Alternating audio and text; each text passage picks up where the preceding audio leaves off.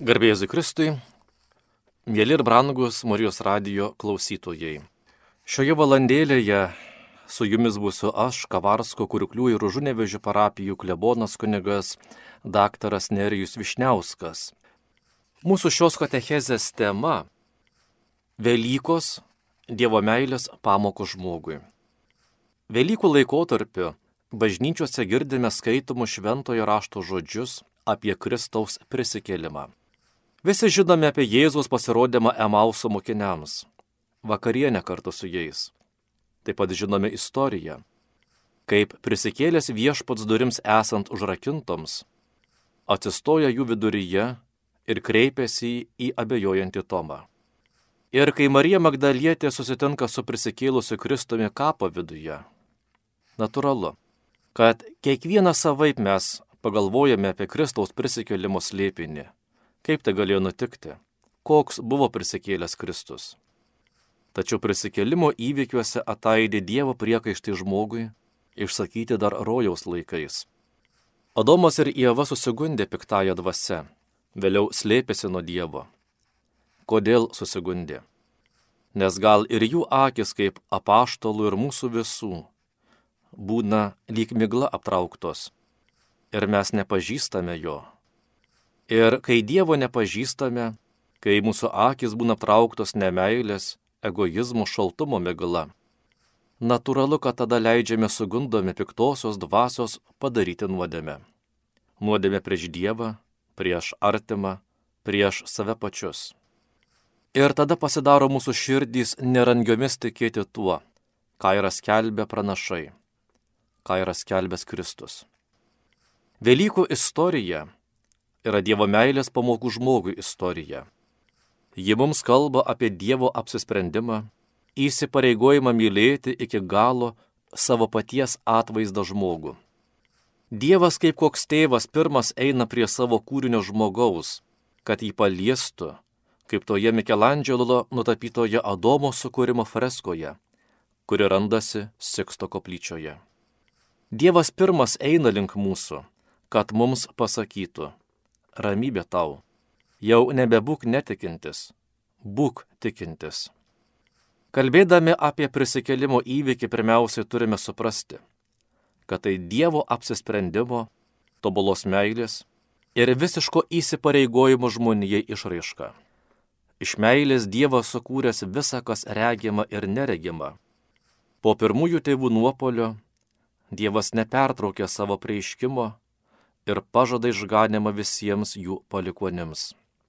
Prieš du tūkstančius metų Dievas pažvelgia į pasaulį bei žmogaus širdį ir nusprendžia, kad jau laikas siūsti sūnų atpirkti žmoniją ir visą kūrinyje. Vienu istorijos momentu gimsta Dievo sūnus, kuris savo mirtimi ir prisikėlimu pakeis visą žmoniją.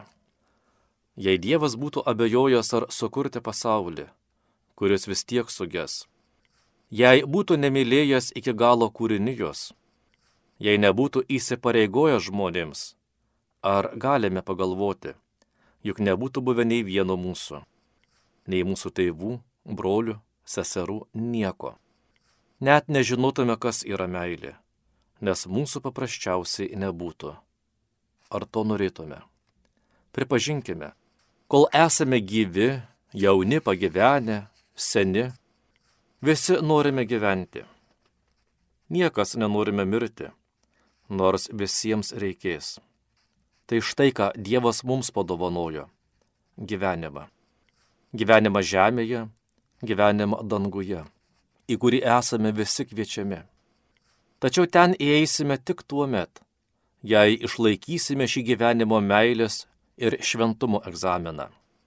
Dieviškosios meilės ekonomijoje Mes turime tiek, kiek duodame. Tačiau esame pašaukti duoti tiek, kiek turime. Ir dar daugiau - tiek, kiek esame. Taigi mūsų meilės mastas teoriškai neturi ribų. Kuo labiau trokštame atiduoti save meilėje, tuo daugiau meilės turėsime atiduoti. Ir kuo daugiau duosime, tuo daugiau iš tikrųjų būsime. Nes viešpats leido, kad būtume tiek, kiek duodame nes esame pašaukti duoti. Meilė yra jo karalystės gyvenimas ir turtai. O didžiausi yra tie, kurie yra mažiausi. Tai yra, kurie nieko savo nepasiliko, vien tik troškimą duoti. Tas, kuris mėgina išlaikyti tai, ką jis turi ir kas jis yra, ir pasilaikyti tai savo, palaidoja savo talentą. Pripažinkime, mes žavėmės šventai žmonėmis, nes šventumas traukia, žavi, užkrečia. Mes norime būti mylimi ir mylėti, norime, kad žmonės būtų atsakingi, ryštingi ir apsisprendę. To labai laukiame iš kitų žmonių. Ir jais nusiviliame, jei jie negeba mylėti taip, kaip norime mes, jei jie nerištingi, abejojantys ir yra bijantys įsipareigojimo. Štai kodėl šiandien pasaulyje tiek daug skirybų, tiek drastiškai sumažėjęs pašaukimų skaičius į kunigystę vienuolinus.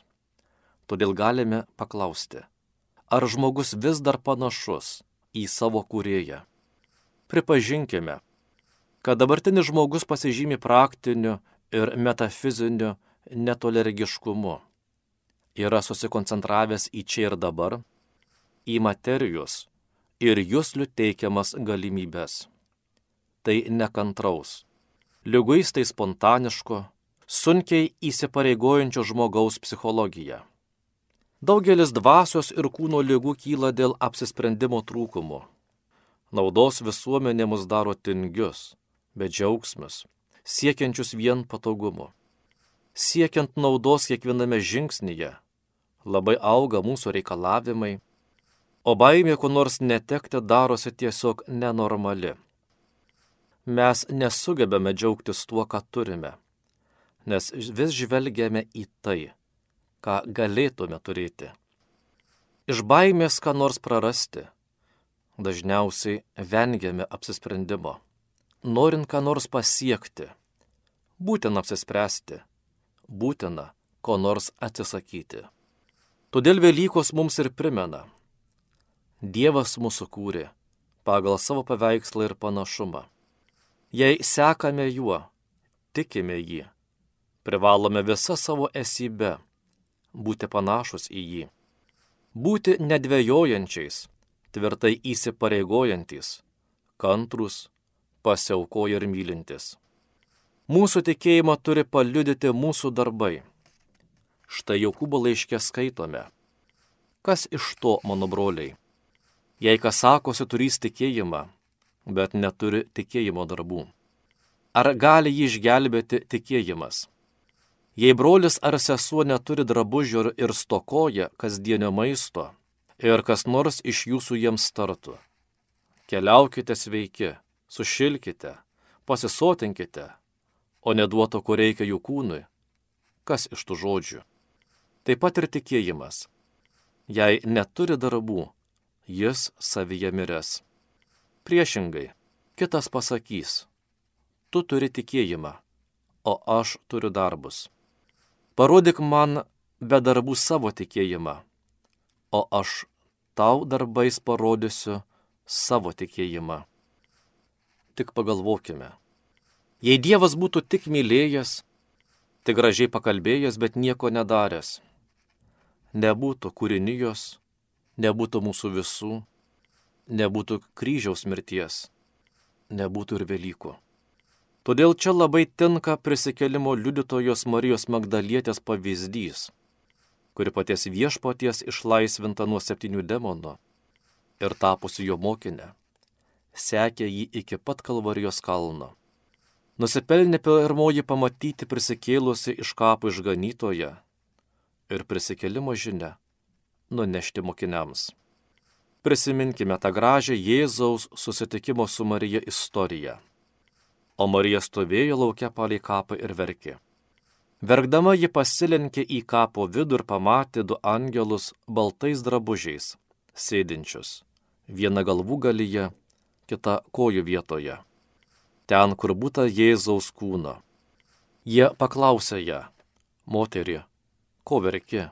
Jie atsakė, kad paėmė mano viešpatį ir nežinau, kur jį padėjo. Tai tarusi jie atsisuko ir pamatė stovinti Jėzų, bet nepažino, kad tai Jėzus.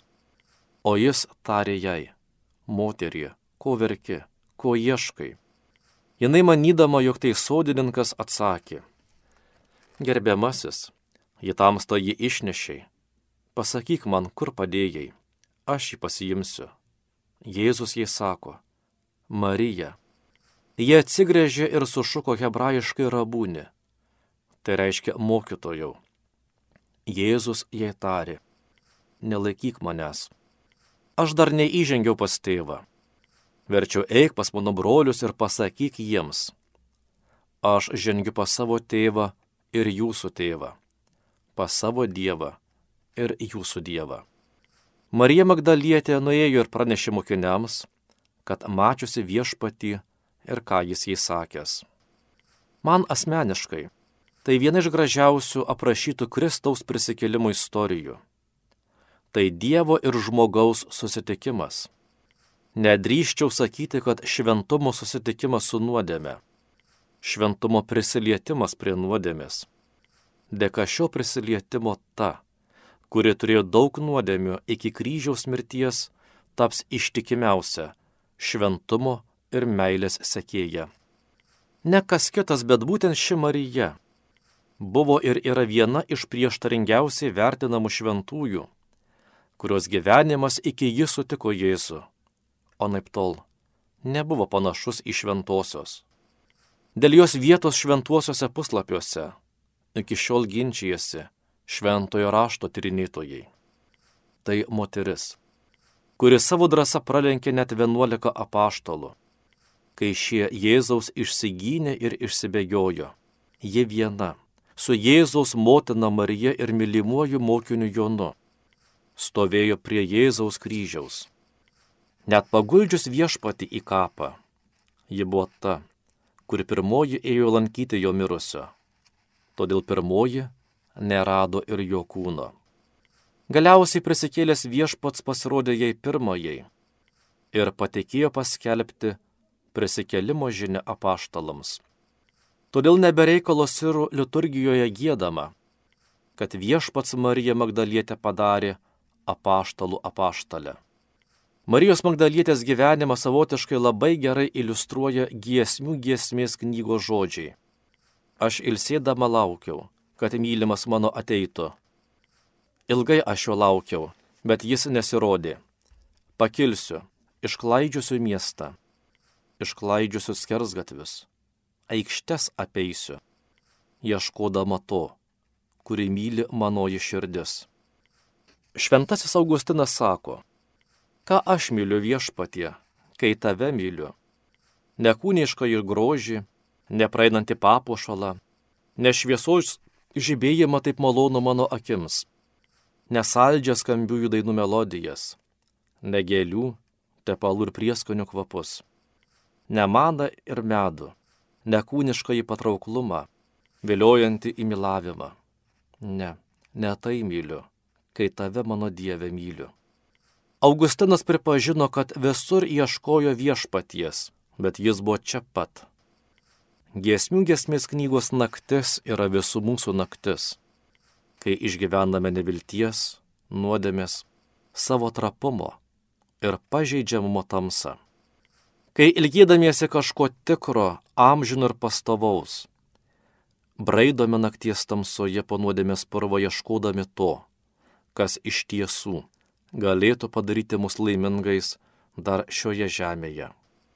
Galbūt tai ta pati Evangelijos puslapiuose aprašyta Marija, kuri savo gyvenime patyrusi nuodėmės tamsą, sutikusi Jėzų atrado tai, kas ją per amžius padarys laimingą, kuri dėl savo ašarų, kuriomis nuplaus Jėzaus kojas ir dėl savo plaukų, kuriais jie jas nuvalys, įeis į pasaulio istoriją kaip ta, kuri išvykusi Kristų sudaužys brangę alebastro vazą, dovanotą jai vieno iš septynių meilužių. Kvapniaisiais tepalais apšlakstys dulkinas pavargusias jo kojas. Ir vien tik dėl šio savo gyvenimo momento jie amžiams atsidurs šalia Rutos ir Betričias danguje, po sniego baltumo, rožių girlendomis. Ruta ir Betričia buvo Dantės rojaus herojės Beatričė, Dantės mylimoji, Ruta, karaliaus Dovido gimdytoje. Nesvarbu, kaip ten bebūtų, tačiau tuos, kuriems atleidžia mūsų gyvenimo nuodėmės, išgelbsti tik tai įstabieji jų gyvenimo momentai. Štai ką pasako mums Kristus negriežtai mus perspėdamas, kad kiekvienas mirksnis turi būti nuostabus, kad siela visuomet turinti būti pasiruošusi jaunikio ateimui, vis atlaukianti, galbūt išgirs mylimojo balsą kad filisteriškumas esas toji žmogaus prigimties pusė, kurios neapšviečia fantazija. Tačiau kaip didžiausias, kaip pats tikriausias romantikas Kristus atsiskleidžia tada, kai prieš jį nusidėjėlis. Pasaulis vis atmylėjo šventuosius, kaip esančius arčiausiai Dievo tobulumo. Kristus dieviško savo intuicijos vedamas turbūt visada mylėjo nusidėjėlius, kaip esančius arčiausiai žmogaus tobulumo. Žinia. Nusidėjėlis privalo atgailauti. Tačiau kodėl? Paprasčiausiai todėl, kad be šito jis nepajėgs suvokti, ką padaręs. Atgailos momentas yra iniciacijos momentas. Maža to būdas pakeisti pasaulį. Graikams atrodė praeitis nepakeičiama savo gnomomis, tai yra rytų ir antikinėje literatūroje pamokomaisiais posakiais, prozomis ar eilėmis. Aforistiškais posakiais jie dažnai teigia, net ir dievai negali pakeisti praeities. Kristus parodė, kad tai pajėgia padaryti paprasčiausias nusidėjėlis kad tai ir yra vienintelis dalykas, kurį nusidėjėlis gali padaryti.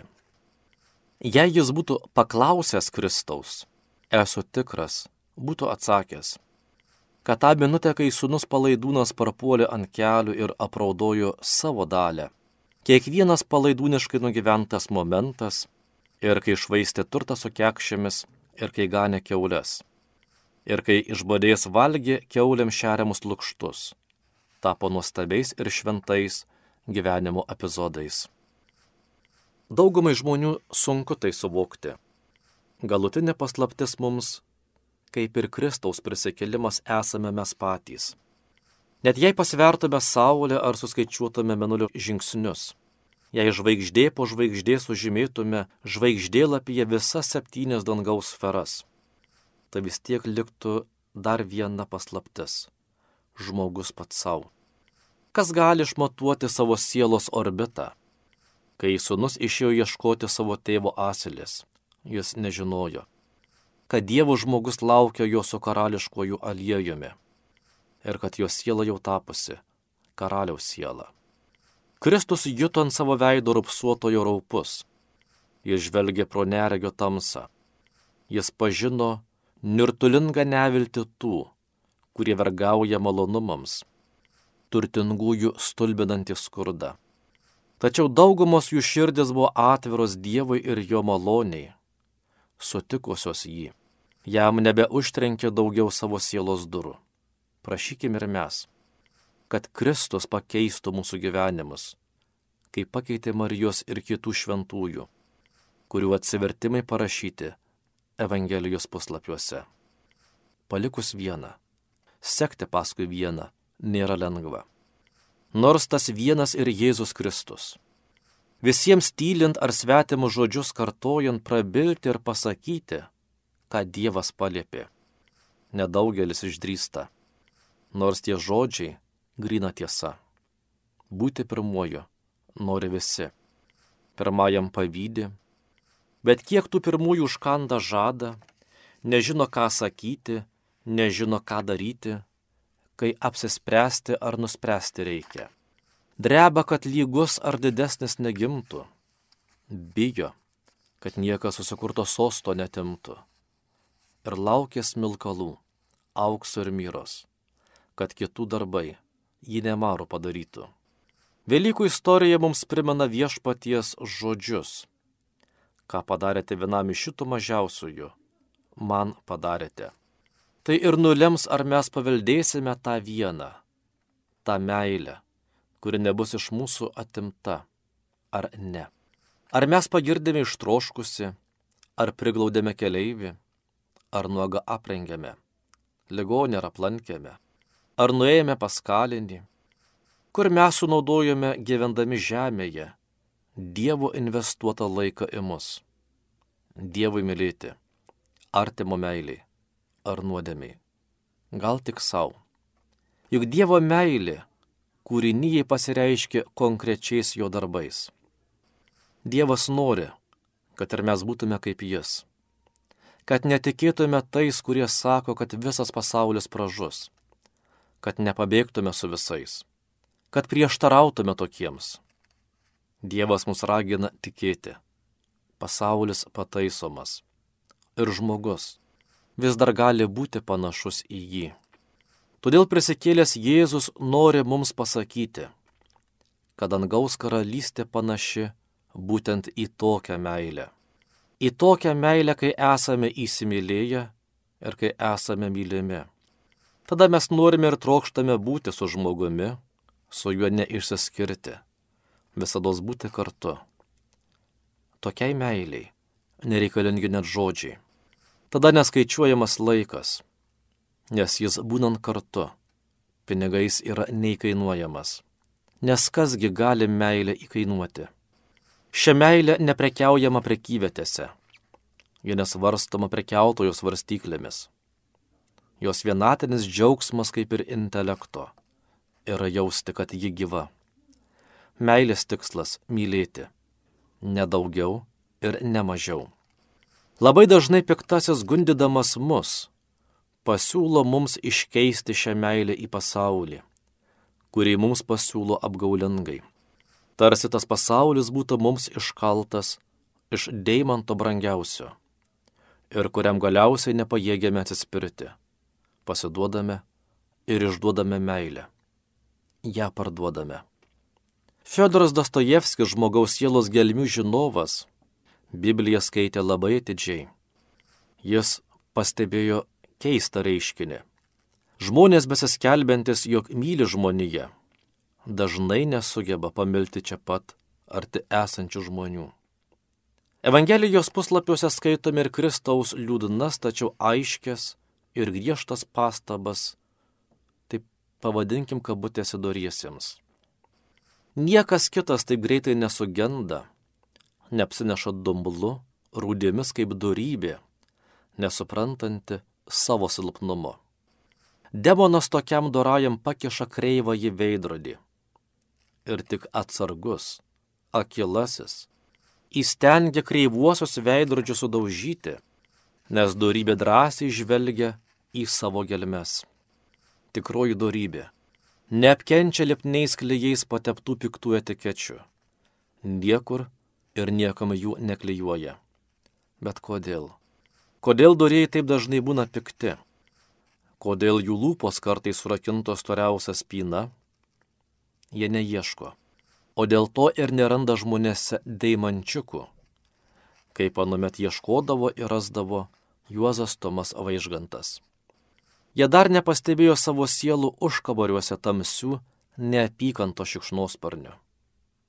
Evangelijoje skaitome, Dievas yra meilė. Kai pasiduodame pagundai ir išduodame šią meilę, tik vėliau suvokiame, kad tas piktojo pasiūlytas pakaitalas te buvo baisi iliuzija, nebejotinai nunešusi mus į nepakeliamą nuopolio vienatvę, į visiškos tuštumos frustraciją. Iš esmės, tai pragaro vartai. Didieji gyvenimo dalykai, kad ir kaip būtų keista, yra tokie, kokie atrodo tačiau kaip tik todėl juos sunku paaiškinti. Tačiau nereikšmingiai dalykai gyvenimo smulkmenos tampa simboliais. Dažnai jie mums ir teikia pačias geriausias pamokas - artimo meilės pamokas. Meilė nežino žmogaus odos spalvos, meilė nežino ir pareigų. Paprasti kasdieniai dalykai mums gali atverti dangų arba jį uždaryti. Dėl tokios meilės, kuri nebijo kitų žmonių, šventieji suklubdavo mazgoti vargetai kojų arba nusilenkdavo pabučiuoti raupsuotojo kaktos. Jėzus žinojo, kad meilė pati didžiausia pasaulio išmintis, kurios ieškojo visi pasaulio išmintingieji. Ir kad tik tai mylėdami galime artintis tiek prie atstumtosios širdies, tiek prie viešpaties kojų. Tas, kas nori gyventi gyvenimą, panašų į Kristaus, privalo iki galo tapti pačiu savimi. Daug žmonių nėra savimi. Jų mintys tai yra kažkieno kito nuomonės, jų gyvenimas, mėgdžiojimas, jų aistros, atkartojimas. Tai beveidžiai žmonės. Tai tie, kurie nepanašus į Dievą nepanašus į meilę, be įsipareigojimo ir atsakomybės. Todėl nelaimės akivaizdoje palieka kitus, kaip apaštalai tą naktį Kristų. Kukli vakarienė su mokiniais, iš kurių vienas jau jį pardavęs, širdgėla ramiame menulio užlietame sode, apsimetelis draugas, žengiantis prie jo, kad išduotų jį pabučiavimu bičiulis, kuriuo jis taip tikėjo ir ant kurio kaip ant uolos mane pastatysęs bažnyčią. Tris kart atsiždantis jo dar gaidžiai nesugėdojus. Jo nusižeminimas, nuolankumas visa kam, kas vyksta, o kur dar tos scenos, kai vyriausiasis judėjos šventikas perplėšia savo drabužius, kai pilietinio teismo prokuratorius paliepia atnešti jam vandens, bergždžiai tikėdamasis nusiplauti nekaltą kraują, paženklinusi jį kaip krūveną istorijos figūrą. Karonavimas erškėčių vainiku. Nuostabiausias dalykas iš visų kada nors aprašytų pasaulio knygose. Nekaltojo nukryžiavimas motinos ir mylimo mokinio akivaizdoje. Kareiviai lošiantys kauliukais iš jo drabužių, širpulinga mirtis po kurios jis liko pasauliui amžinų simboliu. Pagaliau, jo laidojimas turtuolių Rusija. Jo kūnas viniojamas į egiptietiškas drobulės, ištirnamas brangiais aliejais ir aromatingais milkalais. Tarytum jis būtų karaliaus sūnus. Tai išduotos Dievo meilės istorija. Meilė žmogui ir mūsų pabėgimo, mūsų niekšybės. Daugel pirmųjų bus paskutiniai ir daugel paskutinių bus pirmi. Dievo karalystėje pirmi bus muitininkai, paleistuvės ir latrai, nes jie mylėjo, jie gailėjosi, jie atsivertė. Visi teigiamai pasireiškia ant Galgotos kalno, buvo įrašyti į šventųjų sąrašus. Šventaisiais laikomi net pabėgusieji išsigynęs pirmasis popiežius ir kiti baimė sukaustyti apaštalai. Bet bažnyčia turi dar vieną Golgoto šventąjį - gerąjį latrą, kuriam kaip pirmajam krikščionybė šventajam neliko vietos krikščionių kalendoriuje. Net nežinome jo vardo, tad negalime jokio vaiko pakrikštyti to šventojo vardu. Jo diena turėtų būti didįjį penktadienį. Ir ko gero, joks pamokslininkas nėra bandęs apie jį kalbėti. Gal bijo, kad tikintieji nušvilps, dešiniai galvažudį pavadinu šventuoju. Tačiau kaip bebūtų, šis latras pasiliks vieninteliu šventuoju, kurį kanonizavo pats Jėzus.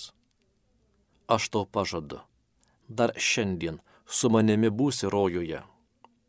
Ir šis latras nieko nenustumė, niekieno vietos neužėmė. Nei pirmasis popiežius, nei pirmieji vyskupai nepagerbė taip Jėzaus ant kryžiaus kaip jis. Būtent jis piktadarys. Tuo nukryžiavimo momentu pasirodė iš visų. Taip, iš visų turys didžiausią tikėjimą. Viešpatie, prisimink mane, kai ateisi į savo karalystę. Niekur pasaulyje nerasi tokios tikėjimo didybės.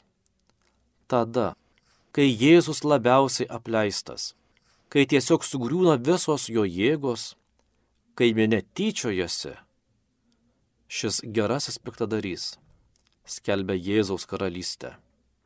Būtent tokia akimirka, kai jo triumfo nepamatysi net pro padidinamą į stiklą. Piktadario tikėjimo išpažinimas pranašiškas. Jis išpažįsta savo kaltę ir sudraudžia kitą piktadarį. Ir išpažįsta, kad nuo šiol mirtis tai tik vartai į tą karalystę. Taip jis ir pakrikštyjamas dvigubu krikštu - troškimo ir kraujo. Ir todėl vienintelis. Taip, vienintelis iš visų žmonių tampa vertas Jėzų palidėti į dangų. Dievas įrašė į šventųjų kalendorių, kuris dėja nesutampa su mūsų kalendoriumi. Prisiminkime kiek kitokį Evangelijos epizodą. Viena motina kreipėsi į viešpatį su keistu prašymu. Sakyk, kad šiuo du mano sūnus tavo karalystėje sėdėtų, vienas tavo dešinėje, o kitas tavo kairėje. Vargšė moteris nežinojo, kad tai neįmanoma. Vieta dešinėje buvo rezervuota piktadariui. Todėl Dievas ir laiduoja už kiekvieną iš mūsų už tavo ir mano santykių kokybę. Štai kodėl prieš meldžiantis reikia susitaikinti. Pirmiausia, atsiprašyti to, kam esame nusikaltę.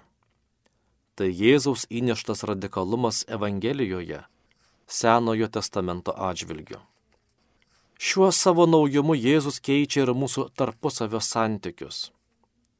Šis jo radikalumas yra skirtas apsaugoti mus, mūsų santykius nuo viedmainystės, melo ir klastos.